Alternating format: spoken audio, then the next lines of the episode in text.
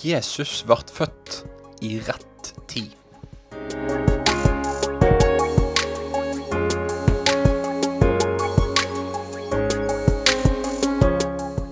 Velkommen til et eh, nytt program av Ord til liv med radio- og TV-pastor Ingvald Kårbø. Podkasten er produsert av P7 Kristen Riksradio, som vil forkynne Jesus Kristus, slik at varig frukt skapes. Vi er takknemlige for alle våre støttespillere.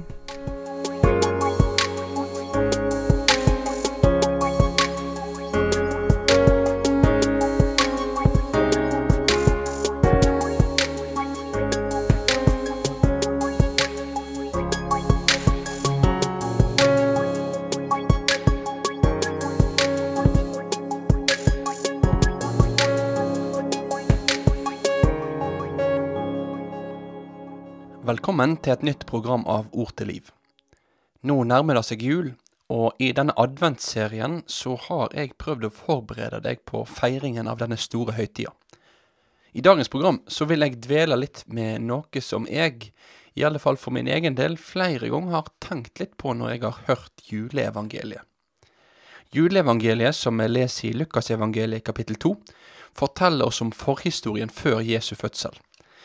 Det blir innleda med at det står I de dagene let keiser Augustus lyse ut at det skulle takast manntall over hele verda. Dette var første gangen de tok manntall, og det hendte medan Kvirinius var landshovning i Syria. Da for alle heim, hver til sin by, og skulle skrive seg inn i manntallet. Dette som Lukas forteller, det er da forhistorien eh, bak at Maria, som var forlova med Josef, reiste til Betlehem for å bli innskreven der. Og så blir da Jesus han vært født i Betlehem, sånn som det hadde blitt profetert om gjennom profeten Mika mange hundre år tidligere. Det er tydelig at når Lukas skriver dette, så vil han plassere Jesu fødsel inn i et historisk rammeverk. Dette her er ikke tull. Nei, det er noe som skjedde på den tida da keiser Augustus styrte i Romerriket. Han vil understreke at dette har skjedd, det er historisk, og for meg i dag, som er en kristen, så er det helt grunnleggende at jeg tror på Jesus som en historisk person. At det er historiske begivenheter som Bibelen forteller meg om.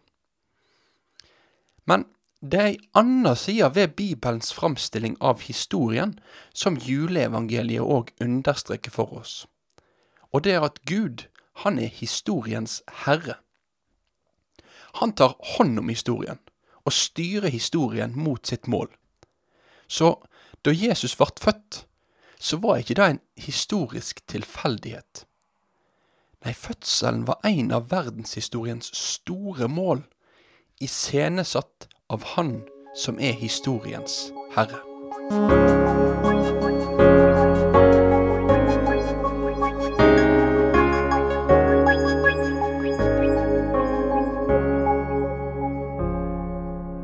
Jeg vil at vi skal lese to vers fra det som kanskje kunne ha blitt kalla for Paulus sitt juleevangelium. Det er henta ifra Galaterbrevet, kapittel 4, og vers 4 og 5. Men da tida var fullkommen, sendte Gud sin egen sønn, født av ei kvinne, født under lova. Han skulle kjøpe fri de som var under lova, så vi kunne få retten til å være Guds barn. Da tida var fullkommen, sendte Gud sin egen sønn, født av ei kvinne, las vi her. Paulus han skriver ikke at Jesu fødsel skjer på et tilfeldig tidspunkt. Det er ikke en plutselig begivenhet. Nei, Guds sønn han blir født inn i verden da tida er inne for det. Hans fødsel kommer i tidens fylde. Kanskje du har stilt deg sjøl spørsmålet om hvorfor Jesus ikke ble født tidligere? Hvorfor kunne ikke det være sånn at Jesus eksempel ble født rett etter syndefallet? Hvorfor skulle han vente så lenge? Vi kan spekulere og danne oss ulike teorier om dette her. Og så kan vi så lett tenke at om Gud hadde gjort det på den ene eller på den andre måten, så måtte nå da ha vært bedre. Men vi mennesker, vi har så lett å glemme at det er Gud som er Gud, og vi er mennesker. Og når vi da begynner å instruere Gud om hvordan vi tenker at han burde handle, så er jo egentlig det omtrent like spesielt som om en førstegangsflygende skulle begynne å instruere piloten om det å fly fly. Som passasjer på et fly så veit ikke jeg hvorfor piloten gjør som han gjør. Men heldigvis så er det han som er pilot, og ikke jeg. Og når det gjelder tidspunktet for Jesu komme, så kan det være at jeg ikke forstår det. Men heldigvis så er ikke det i mine hender. All visdomsgud, han ser det store bildet. Og Bibelens tydelige budskap er at Guds sønn, Jesus, han ble født på det eksakte tidspunktet da Gud i sin ufattelige visdom så at det var den rette tida for det. Jesus ble født i tidens fylde, på den tida da Gud ville det. Til efeserne så skriver Paulus noe av det samme, da han i det første kapittelet der skriver at han ville fullføre sin frelsesplan da tida var fullmogen. Han hadde allerede forutbestemt, før verdens grunnvoll var lagt, at det var i Kristus at han skulle sørge for at mennesket kunne stå for Guds ansikt hellig og uten feil. Men eh, det var da tida var moden for det, at han iverksatte sin frelsesplan for å samle alt til ett i Kristus. Så du og jeg, vi kan stole på at Jesus han kom til rett tid. Men i Lukas sin fortelling om Jesu fødsel, så nevnte jeg i innledningen av dagens program at fødselen blir innrammet av noen storpolitiske hendelser i Romerriket. Det er folketelling. Og da er et naturlig spørsmål å stille seg. Var det egentlig flaks som gjorde at folketellinga skjedde akkurat da, sånn at den gravide Maria reiste sammen med Josef til Betlehem? Hver og en av oss mennesker er ansvarlig for våre handlinger. Dette gjelder deg, dette gjelder meg, og det gjaldt òg keiser Augustus. Men samtidig som Bibelen forteller oss om enkeltmenneskets ansvar, så er det òg et lag til i Bibelens framstilling av historien. Det står i Salomos ordtak 21 og vers 1 at kongens hjerte er rennende vann i Herrens hand. Han leier det dit han vil. Og dette verset her, det viser oss at Gud, han er òg han som kan påvirke konger sine beslutninger, sånn at disse beslutningene legger til rette for det Herren vil. Dette kan vi lese om flere ganger i Det gamle testamentet. Både konger som erkjenner Guds eksistens og ikke erkjenner hans eksistens, blir redskap i Herrens hånd for at han får utføre sine gjerninger på jord. Poenget er at Gud han lar seg ikke binde av konger, men en konge er i Guds hender som rennende vann. Det er Gud som har kontroll og kan styre historiens elv dit han vil.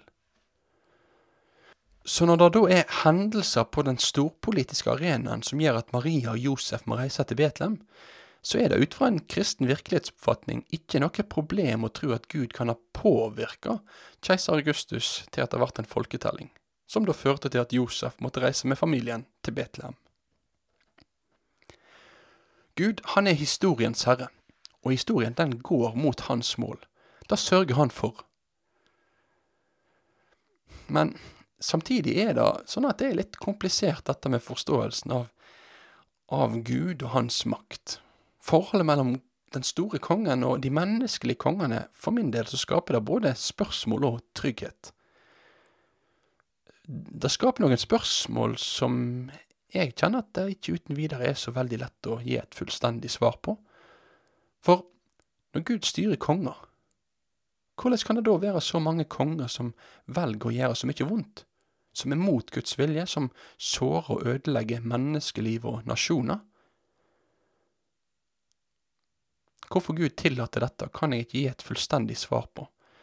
Men det vi kan merke oss i denne omgang, det er hvordan Gud, han er en Gud som er alt annet enn redd for å refse konger og styresmakter som sprer vondskap. Tvert imot, vi ser hvordan Gud gjennom Det gamle testamentet sendte profeter som kaller kongene til å vende om til Gud og til hans veier når kongene gikk vekk ifra Guds gode vilje. Og når eh, ondskapen går langt nok, når den blir omfangsrik nok, ja, så sørger Herren for å gripe inn og heller dom over konger og nasjoner.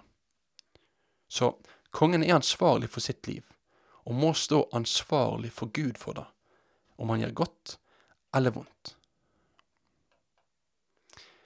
Men selv om dette med Guds allmakt kan skape spørsmål, så er vissheten om at Gud er historiens herre, som òg styrer konger, en visshet som fyller meg framfor alt med trygghet, og som er til oppmuntring.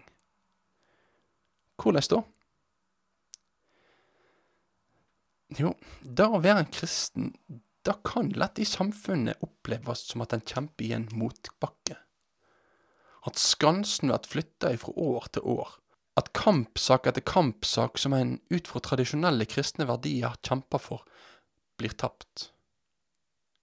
Kanskje du har kjent på dette? en følelse av at du er på taperlaget. Eller i det minste en følelse av at du og jeg, vi, har vært så små i møte med storpolitikken. Og små er vi. Vi er på mange måter overgitt til beslutninger som var tatt langt borte fra oss, akkurat sånn som Maria og Josef var overgitt til Augustus sine beslutninger i Roma. De var små brikker i Romerbrikets storpolitikk. Men trøsta og oppmuntringa til oss er at midt i historiens løp så er juleevangeliet en påminner til oss om at vi får tilhøre og tro på historiens herre. Ingen kan detronisere Gud. Styresmakter, de kan gjøre vondt, og de kan gjøre godt. De kan innføre fantastiske eller forferdelige lover. Men Gud er på truna. Salme to i Bibelen forteller om hvordan kongene på jorda reiser seg, og fyrstene slår seg sammen mot Gud og hans Messias. De vil gjøre opprør. De trenger ikke Gud, og de vil bygge sin egen tilværelse. Og hva skjer da? Jo, Herren, han ler. Herren, han ler fordi det er latterlig at de skal bygge ei framtid uten Gud. Og det er det. Jeg veit ikke hvordan dette neste året blir. Jeg veit ikke hvordan framtida blir. Men det jeg veit, det er at uansett hvem som sitter på Stortinget eller i Det hvite huset i USA, uansett så sitter Gud på truna. Og både Norges statsminister sitt hjerte og den amerikanske presidenten sitt hjerte er i Guds hånd. Jesus, den egentlige kongen, han er født. Han regjerer.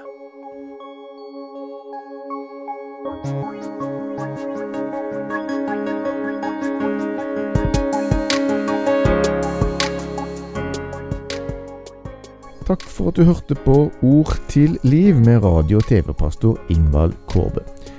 Vi håper at podkasten har fått vært til velsignelse for deg. Og har du tilbakemeldinger på det du har hørt, ta gjerne kontakt med oss på otl krøllalfa p7.no. P7 Kristen Riksradio ønsker med sine produksjoner å gi evangeliefokusert bibelundervisning til folket. Du finner mer godt innhold på p7.no. P7 Kristen Riksradio er takknemlig for alle som støtter kanalen, både gjennom bønn og givertjeneste.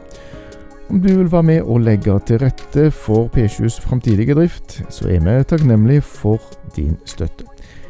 Vips oss da gjerne allerede nå på nummer 5477767. Takk for din støtte.